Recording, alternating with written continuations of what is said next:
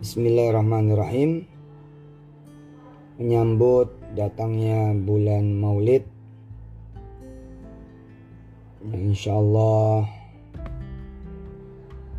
Kalau nggak salah ya malam rebo besok nih Mestinya insya Allah dengan izin Allah. Malam rebo besok Jatuhnya 27 malam ya Malam 28 Bismillah kita coba lihat kosakata Muhammad. Allahumma ali di dalam Al-Quran. Yang langsung Muhammad ya enggak kata pengganti bukan an-nabiyyu bukan arsalnaka. Kak di situ juga Nabi Muhammad. Tapi ini kosakata langsung Muhammad ada di mana aja supaya kita sama-sama tahu. Silahkan ditulis buat yang mau nulis.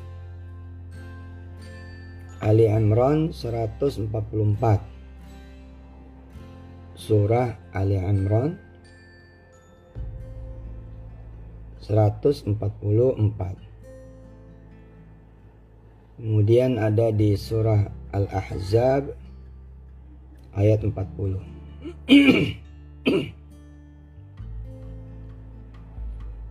Kemudian surah Muhammad ayat 2 Surah Al-Fat ayat 29 Ini yang langsung pakai kosakata Muhammad. Diulang ya. Surah Ali Imran biar kenal nih Surah Ali Imran ayat 144 Silakan bantu ditulis buat yang bisa nulis biar teman-teman melihat tulisannya yang bisa nulis. Ali Imran 144. Nanti ayatnya kita baca satu-satu. Kemudian Al-Ahzab ayat 40. Al-Ahzab ayat 40.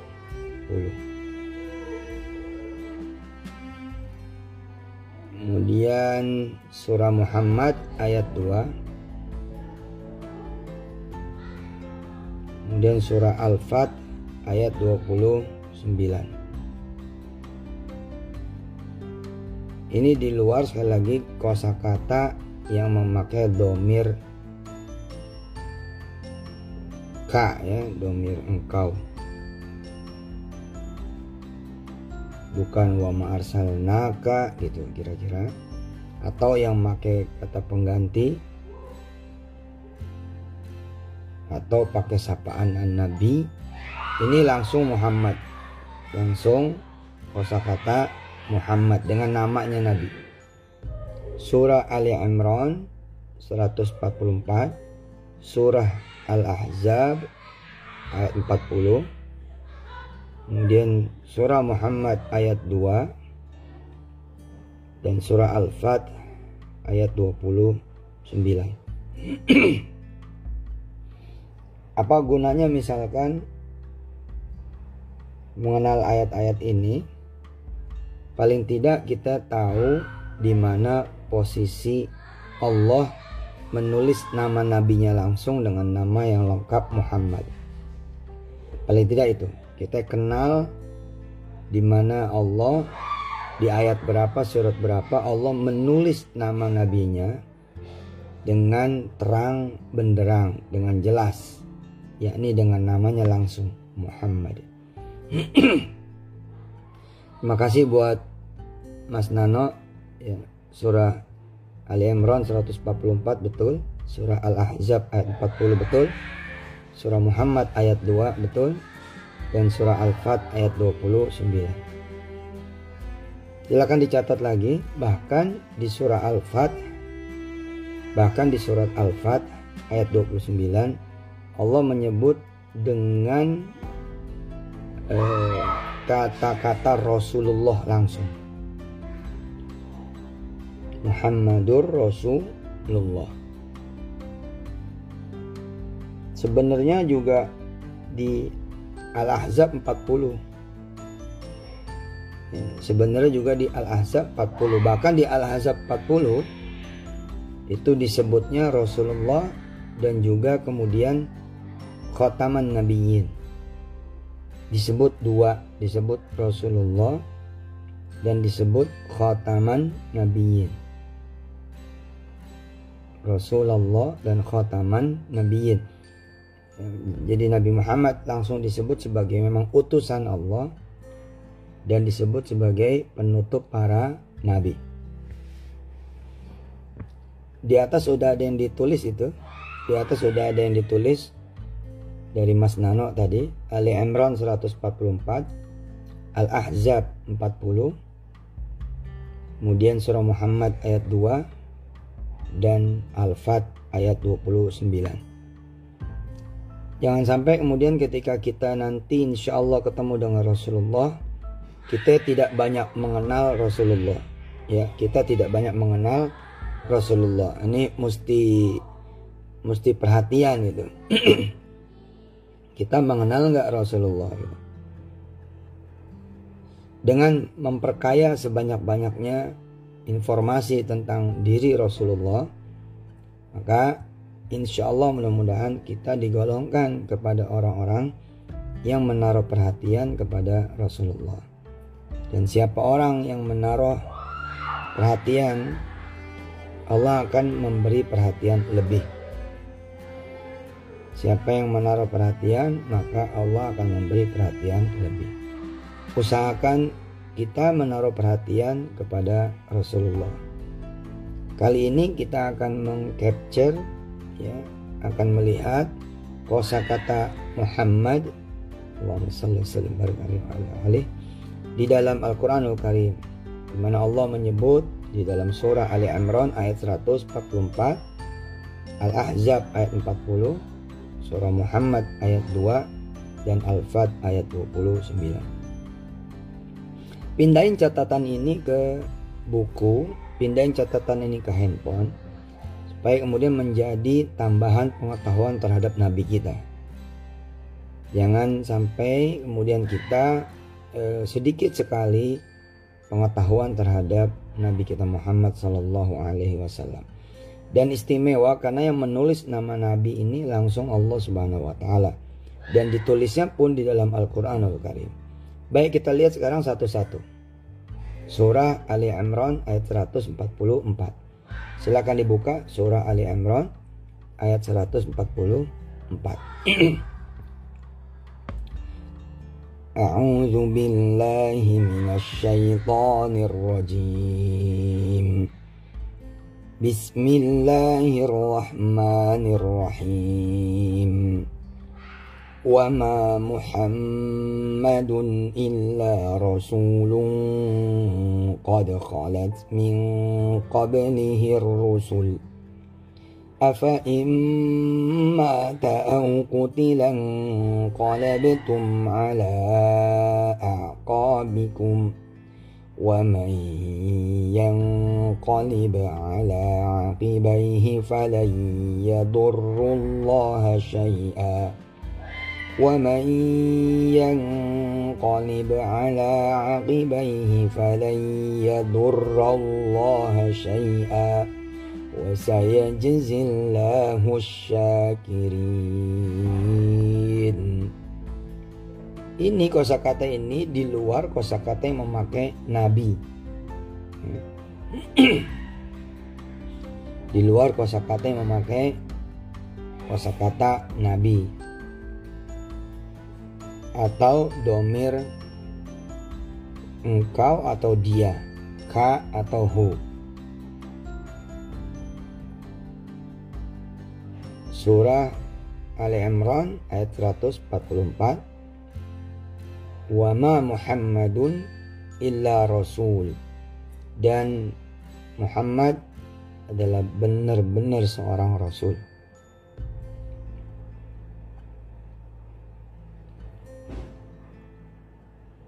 Afa imma ta'au qutilang qalabtum ala a'qabikum? Apakah kalau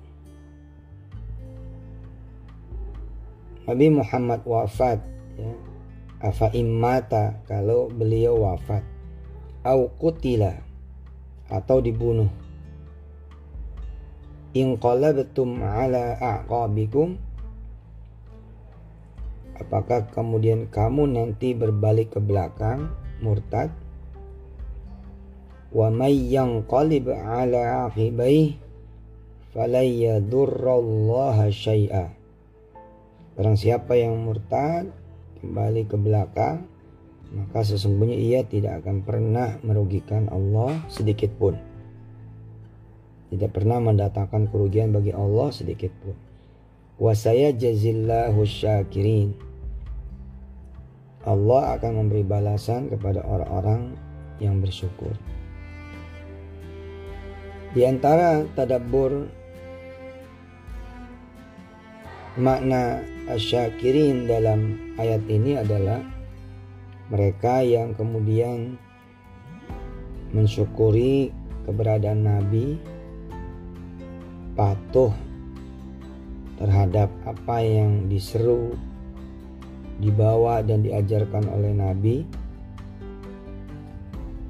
dan kemudian memperhatikan apa yang dibawa, diseru dan diajarkan oleh Nabi, maka dia termasuk golongan orang-orang yang dianggap bersyukur. Secara tadabur ayat 144 surah Ali Imran. Dan kita sama-sama tahu orang-orang yang bersyukur adalah orang-orang yang akan terus ditambah segala nikmatnya. Jadi secara tadaburiahnya kalau kita bisa mensyukuri keberadaan Nabi dengan sering memperhatikannya, sering kemudian mengamatinya, mempelajarinya, termasuk apa yang dibawanya, apa yang diserunya, apa yang diajarkannya dari berbagai sunnah-sunnahnya, maka secara konsep balasan orang-orang bersyukur wajarlah bila kemudian semua pelaksana sunnah semua pengamal sunnah itu hidupnya akan senantiasa terus ditambah rizkinya oleh Allah subhanahu wa ta'ala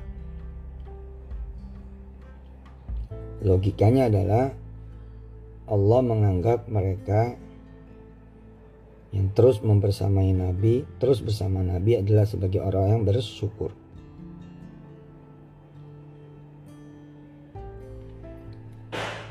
وَمَا مُحَمَّدٌ إِلَّا رَسُولٌ قَدْ خَلَتْ مِنْ قَبْلِهِ الرُّسُلُ أَفَإِنْ مَاتَ أَوْ قُتِلَ انقَلَبْتُمْ عَلَى أَعْقَابِكُمْ وَمَنْ يَنْقَلِبْ عَلَى عَقِبَيْهِ فَلَنْ يَضُرَّ اللَّهَ شَيْئًا وَسَيَجْزِي اللَّهُ الشَّاكِرِينَ Mudah-mudahan dari ayat 144 surah Ali Imran kita bisa masuk dalam kategori orang-orang bersyukur dengan kita meneladani Nabi, hidup bersama Nabi, dan hidup bersama sunnah-sunnahnya Nabi, bagian mana dari sunnahnya yang bisa kemudian kita pertahankan, yang bisa kita amalkan, yang bisa kemudian kita jalankan.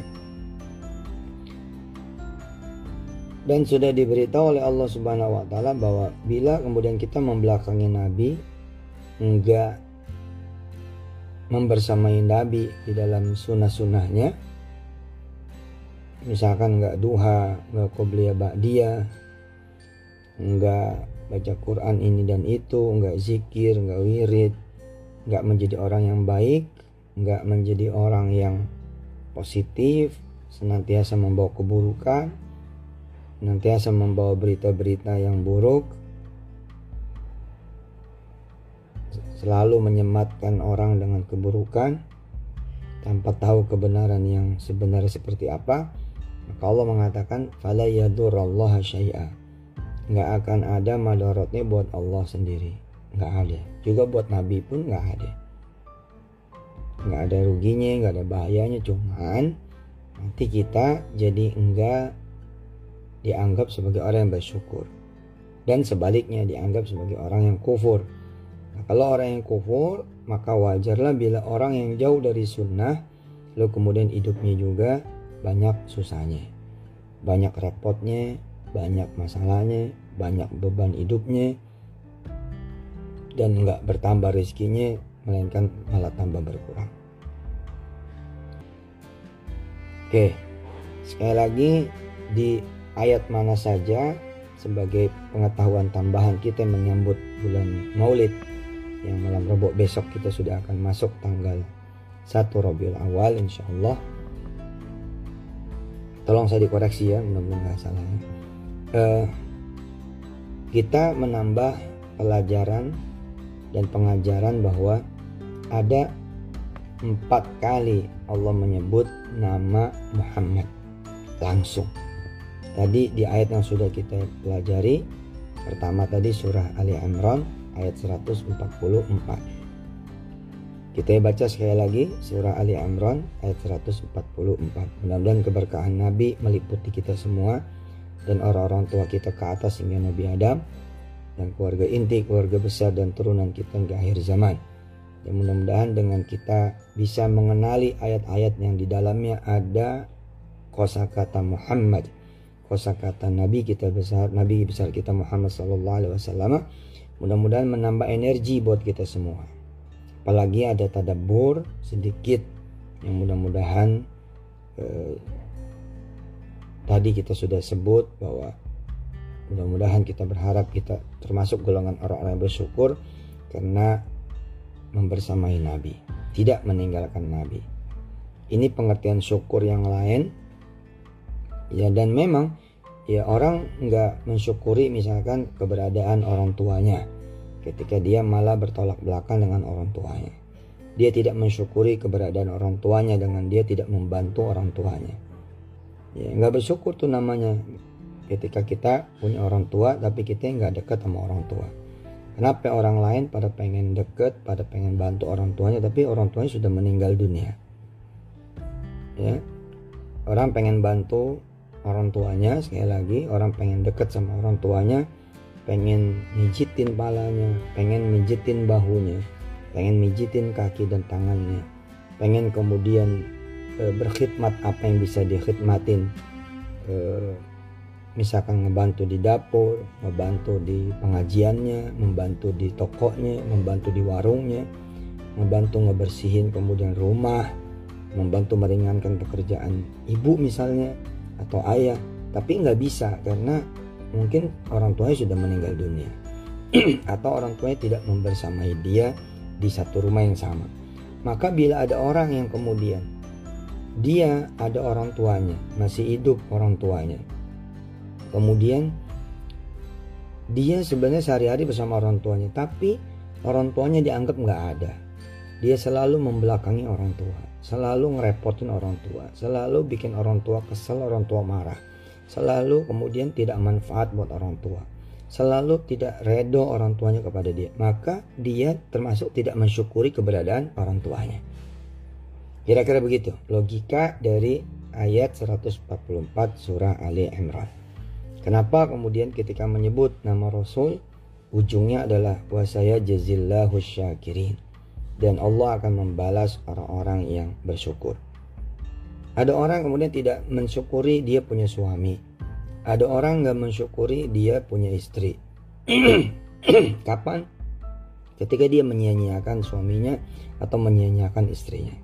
Ada orang yang tidak mensyukuri ya eh, keberadaan anak-anaknya Kenapa? Karena dia selalu sibuk, tidak pernah main bareng anaknya, tidak pernah mencium ya eh, anaknya, tidak pernah mengecup anaknya, tidak pernah memeluk anaknya, tidak pernah menggendong memangku anaknya, tidak pernah eh, memandikan anaknya ketika kecil ya, tidak pernah nyuapin misalnya, nggak mau merhatiin, nggak mau bercanda sama anaknya.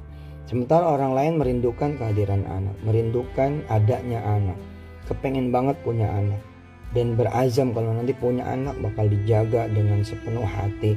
Diperhatikan dengan sepenuh hati. Anak lebih penting daripada dagangan. Anak lebih penting daripada bisnis. Anak lebih penting daripada kemudian dunia dan segala isinya. Nah orang yang kemudian tidak menghargai anak tidak membersamai anak tidak membahagiakan anak tidak meluangkan waktunya buat anak ya secara konsep tadaburiah ayat 144 surah Ali Imran ini kita belajar bahwa dia tidak mensyukuri keberadaan anaknya. Bahkan ada yang anaknya itu dibunuh, anaknya itu kemudian disiksa, anaknya itu kemudian di jual bahkan. Naudzubillahi min ada yang anaknya kemudian mati di tangannya.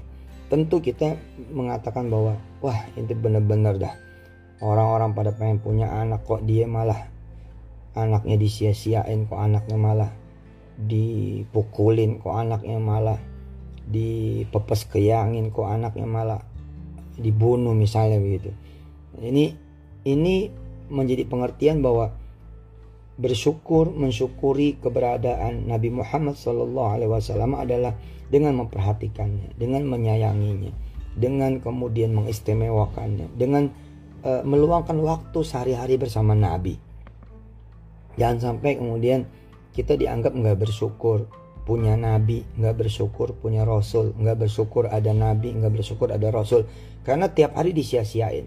Pagi datang nggak ada Rasulullah di sana. Siang datang nggak ada Rasulullah di sana.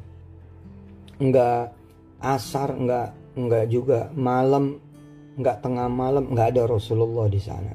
Nah yang begini ini kemudian kita bisa dianggap nggak mensyukuri keberadaan Nabi nggak mensyukuri kehadiran Nabi. Padahal Nabi hadir kan ke muka bumi ini dihadirkan oleh Allah Subhanahu wa taala. Makanya ada Maulidur Rasul ada malam kelahirannya Rasul ada eh, Syahrul Maulid ada bulan di mana lahir junjungan kita Nabi besar Muhammad Sallallahu Alaihi Wasallam. Tapi apa kemudian perilaku kita? Kita nggak meluangkan waktu buat Nabi, nggak ada duha buat Nabi, nggak ada sunnah qobliyah dia bersama Nabi, nggak ada kemudian salat berjamaah seperti apa yang disuruh oleh Nabi. Tidak ada yang nama zikir pagi, zikir sore, tidak ada sedekah kepada yatim yang dicintai Nabi. Nggak ada itu yang namanya baca surah al-mulk menjelang tidur. Nggak ada. Kalau begitu judulnya maka kita nggak bersyukur punya nabi. Nggak bersyukur adanya nabi. Nggak bersyukur dengan kelahiran dan kehadiran nabi. Nggak bersyukur tadi logikanya sudah saya sampaikan sudah saya contohkan. Ada orang-orang yang punya pekerjaan. Orang-orang pengen kerja kan? Mati-mati dia cari kerjaan, mati-mati dia buru kerjaan, mati-mati dia kemudian mengupayakan supaya dia kerja. Sementara ada orang-orang menyia-nyiakan pekerjaannya, malas-malesan, kerjanya sembarangan, ya, tidak mensyukuri pekerjaannya. Akhirnya kemudian dia diambil pekerjaan itu, hilang pekerjaan itu, ya, dicabut pekerjaan itu. Itu tanda kemudian dia nggak mensyukuri. Makanya ujung ayat 144 surah Ali Imran adalah wasaya jazillahu syakirin ya. dan Allah akan membalas orang-orang yang bersyukur kok kaitannya sama Nabi Muhammad satu badan ayat dengan Nabi Muhammad menjelaskan bahwa Nabi Muhammad itu rasul bener loh Nabi Muhammad itu utusan Allah banget loh ya, kan kita mengenalkan ada utusan PBB ada utusan Palura ada utusan Pak Camat, ada utusannya Pak Wali Kota, ada utusannya Pak Gubernur, ada utusannya misalnya Menteri, ada utusannya Pak Kapolri, ada utusannya eh, Panglima TNI, ada utusannya orang kaya misalkan datang kepada kita, terus kita nggak percaya gitu, nggak percaya utusannya, atau nggak percaya yang ngutus, atau nggak percaya kemudian dengan perihal yang dibawa oleh utusan itu? Nggak di nggak dipercaya tuh misalkan utusan itu nggak dipercaya. Maka kita akan kehilangan momen-momen kita akan kehilangan kemudian banyak hal. Kita ditanya misalkan sama teman kita eh kenapa lu nggak hadir? Nah hadir di mana? Nah kan lu diundang sama orang kaya di kampung kita itu yang di ujung sono gang. Ya gue nggak tahu ya kan? Tadi ada utusan dia datang kan bawa undangan buat lo. Ya iya gue aduh gue nggak perhatian tuh. Nah itu ketika kita nggak perhatian sama utusannya maka kita nggak ngerti membawa apa tuh sang utusan itu. Terus nggak tambah nggak ngerti lagi siapa yang ngutus gitu. Makin nggak paham itu.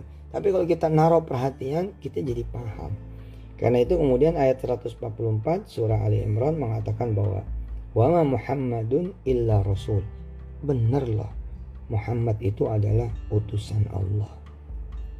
Luar biasa kan? Ini bukan utusan satu negara nih. ya misalnya Indonesia mengutus menteri luar negerinya bicara di forum PBB misalkan gitu kebayang nggak bila kemudian negara-negara di PBB itu tidak menghargai utusan Indonesia ya. Maka kemudian eh, terjadilah komunikasi yang tidak cantik komunikasi yang tidak bagus. Ada utusan perdamaian misalkan ternyata malah dibunuh. Ini akan jadi perang perang antar negara misalnya. Ya.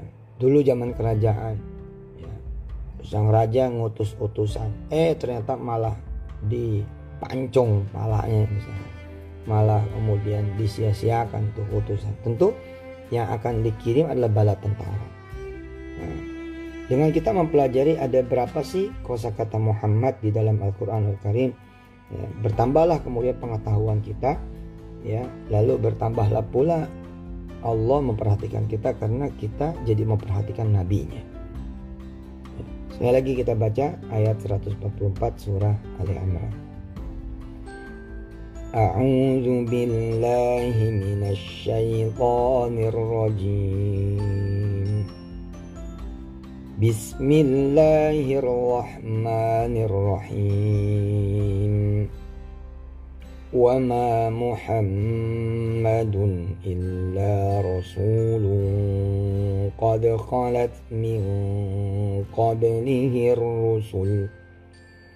أفإن مات أو قتلا انقلبتم على أعقابكم ۖ ومن ينقلب على عقبيه فلن يضر الله شيئا وسيجزي الله الشاكرين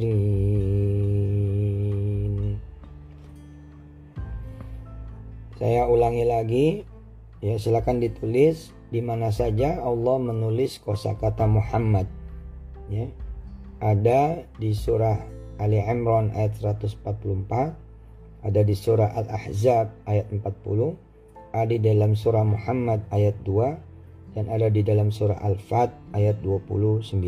Monggo bantu ditulis. Ali Imran 144, Al-Ahzab 40, Muhammad 2, Al-Fat 29. Saya kira ini dulu yang bisa dibahas. Kita akan lanjut nanti kepada ayat 40 surah Al-Ahzab, ayat 2 surah Muhammad, dan ayat 29 surah Al-Fatah. Perhatian betul terhadap maulid, bulan maulid, terhadap Rasulullah Muhammad SAW yang sampai kemudian bulan maulid terlewati begitu saja tanpa ada tambahan pengetahuan tentang Nabi kita Nabi besar Muhammad Sallallahu Alaihi Wasallam. Silakan nanti dijelajahi sendiri ya Ali Imran 144 Al-Ahzab 40 Muhammad ayat 2 dan Al-Fat ayat 29 kita baru membahas ayat 144 surah Ali Imran. Itu pun tentu jauh dari lautan ya Eh, pemahaman tentang atau semesta pemahaman tentang ayat yang kita bahas. Ini hanya mungkin sebutir debu saja dari tadabbur ya Al-Quran yang kita sama-sama pelajari pada hari ini mudah-mudahan Allah memberikan syafaat Nabi besar Muhammad Sallallahu Alaihi Wasallam buat kita buat orang-orang tua kita dan ke atas orang-orang tua ke atas sampai Nabi Adam dan turunan hingga akhir zaman. Dan semua umat manusia di sepanjang zaman insya Allah kita tutup dengan membaca salawat buat Rasulullah. Allahumma salli wa sallim wa barik ala سيدنا وحبيبنا وشفيعنا وقرة أعيننا ومولانا محمد المصطفى المجتبى المختار المؤيد الممجد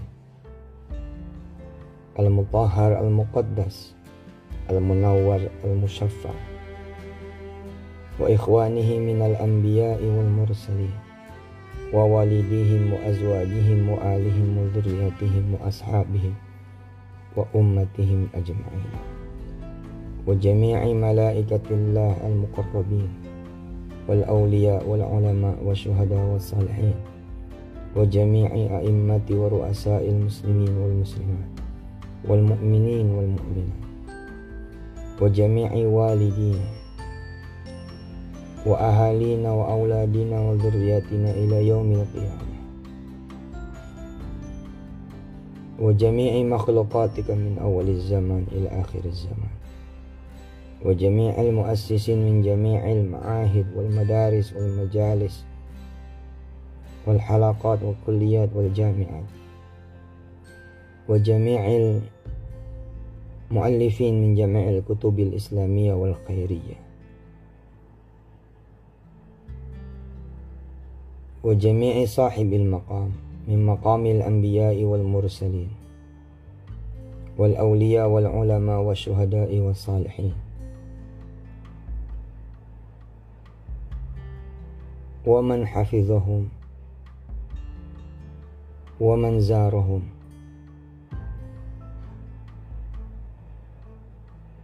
ومن معنا وليس معنا وأصولنا وفروعنا. في كل مكان في كل زمان.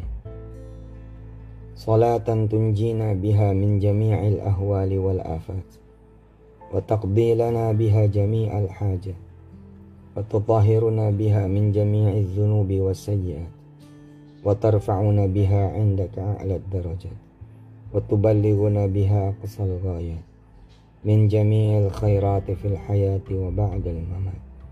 إنك سميع قريب مجيب الدعوات يا قاضي الحاجات اغفر لنا يا الله يا غفار يا غفور ويا أرحم الراحمين ارحمنا. واجبرنا وارفعنا وارزقنا واهدنا وعافنا واعف عنا. وعلى طاعتك وحبك وشكرك أعنا. يا مولانا يا قدير على كل شيء يا مالك الملك يا ذا الجلال والإكرام. اللهم اغفر لنا ذنوبنا. وكفر عنا سيئاتنا وتوفنا مع الأبرار. واستر عيوبنا وارفع درجاتنا وحول أحوالنا إلى أحسن الحال. حسبنا الله ونعم الوكيل. نعم المولى ونعم النصير لا حول ولا قوة إلا بالله العلي العظيم. ربنا عليك توكلنا وإليك أنبنا وإليك المصير. اللهم مالك الملك تؤتي الملك من تشاء وتنزع الملك ممن تشاء وتعز من تشاء وتذل من تشاء بيدك الخير إنك على كل شيء قدير تولج الليل في النهار وتولج النهار في الليل وتخرج الحي من الميت وتخرج الميت من الحي وترزق من تشاء بغير حساب Ya Allah ampuni kami ya Allah Rahmati kami ya Allah Sedikit sekali pengetahuan kami tentang Nabi kami ya Allah. Sedikit sekali pengetahuan kami tentang Rasulullah. Maka ajarkan diri kami tentang Nabi kami ya Allah. Tentang Rasulullah Muhammad Sallallahu Alaihi Wasallam. Yang sampai kami yang akunya umatnya Nabi tapi tidak mengenal dirinya. Yang sampai kami mengaku umatnya Nabi tapi tidak tahu tentang dirinya. Tentang ajarannya tentang apa yang dibawanya tentang apa yang kemudian diajak olehnya ya Allah maafkan kami yang tidak ada upaya untuk menambah pengetahuan kami terhadap Muhammad sallallahu alaihi wasallam nabiyuna wa rasuluna ya Allah mudah-mudahan kau ampuni semua umatnya Nabi sepanjang zaman. Angkat derajat kami ya Allah dan semua umatnya Nabi. Ampuni kami dan semua umatnya Nabi. Rahmati kami dan semua umatnya Nabi. Berikan kasih sayangmu kepada kami dan kepada semua umatnya Nabi. Selamatkan kami dan selamatkan semua umatnya Nabi. Berikan ya Allah apa yang menjadi pertolongan dan bantuanmu untuk kami dan untuk semua umatnya Nabi. Bukakan rizki yang banyak buat kami dan buat seluruh umatnya Nabi.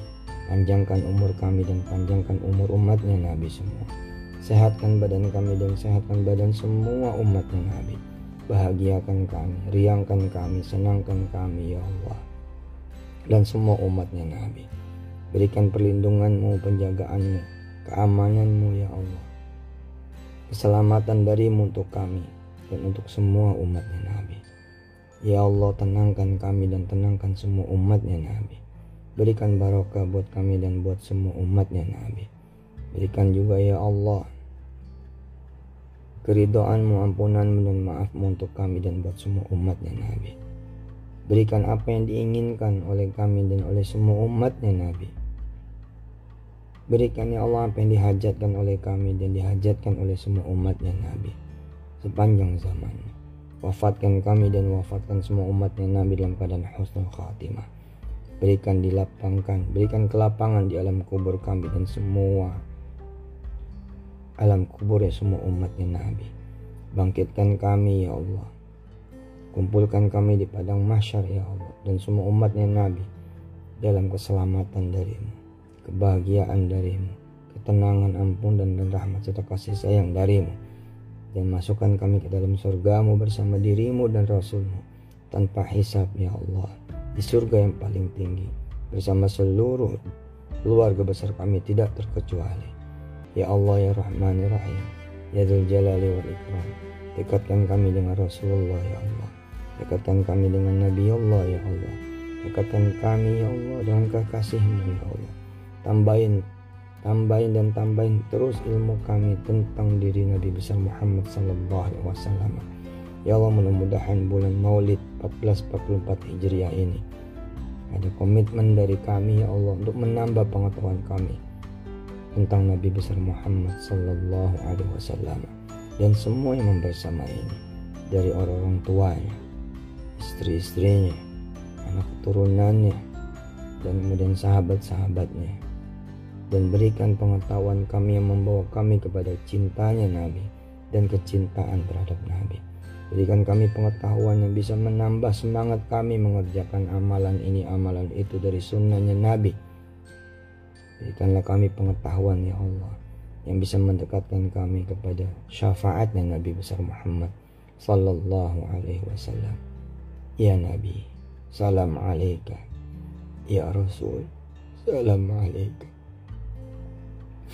يا حبيب سلام عليك. صلوات الله عليك. يا نبي سلام عليك. يا رسول سلام عليك. يا حبيب سلام عليك. صلوات الله عليك. يا نبي سلام عليك. يا رسول سلام عليك. يا حبيب سلام عليك. salawatullah alaika. Wa sallillahumma ala sayyidina wa habibina wa syafi'ina wa qurrati ayunina wa maulana muhammadin sallallahu alaihi wasallam. Walhamdulillahi rabbil alamin. Adada khalqihi wa ridha nafsihi wa zinata wa midada sampai ketemu di pembahasan yang berikutnya. Mudah-mudahan Allah membuka kelembutan hati kita dan mau melihat kebenaran, mau mempertanyakan kebenaran kepada Allah Subhanahu wa taala, mau kemudian memahami kedengkian kita, mau memahami keburukan kita, mau memahami kebusukan kita dan menghormati hak-hak orang lain dan meminta ampunan kepada Allah Subhanahu wa taala. Bismillahirrahmanirrahim. Alhamdulillahirabbil alamin. Ar-Rahman Ar-Rahim Malik Yawmiddin. Iyaka na'budu wa iyaka nasta'in Ihdinas siratal mustaqim siratal ladzina an'amta 'alaihim ghairil maghdubi 'alaihim waladdallin. Rabbi fir lana wa liwalidina amin.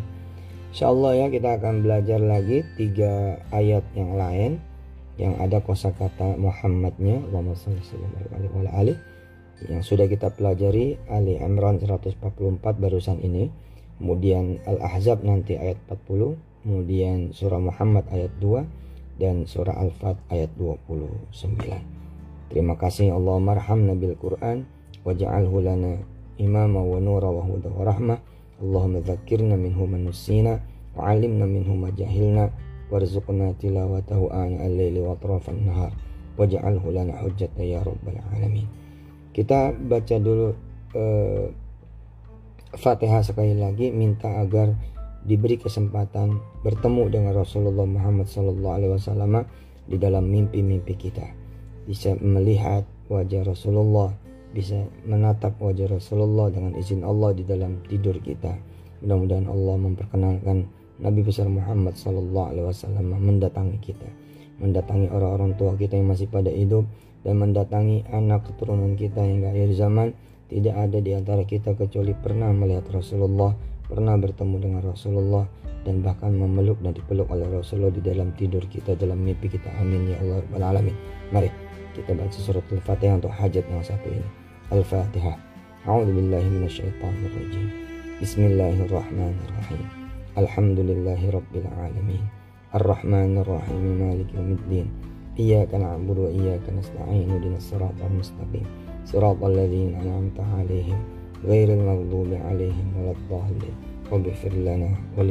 Amin.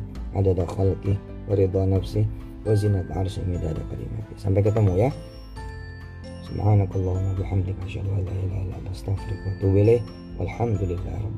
Insyaallah saya upload di feed jadi bisa didengar oleh kawan-kawan semua. Terima kasih. Wassalamualaikum warahmatullahi wabarakatuh.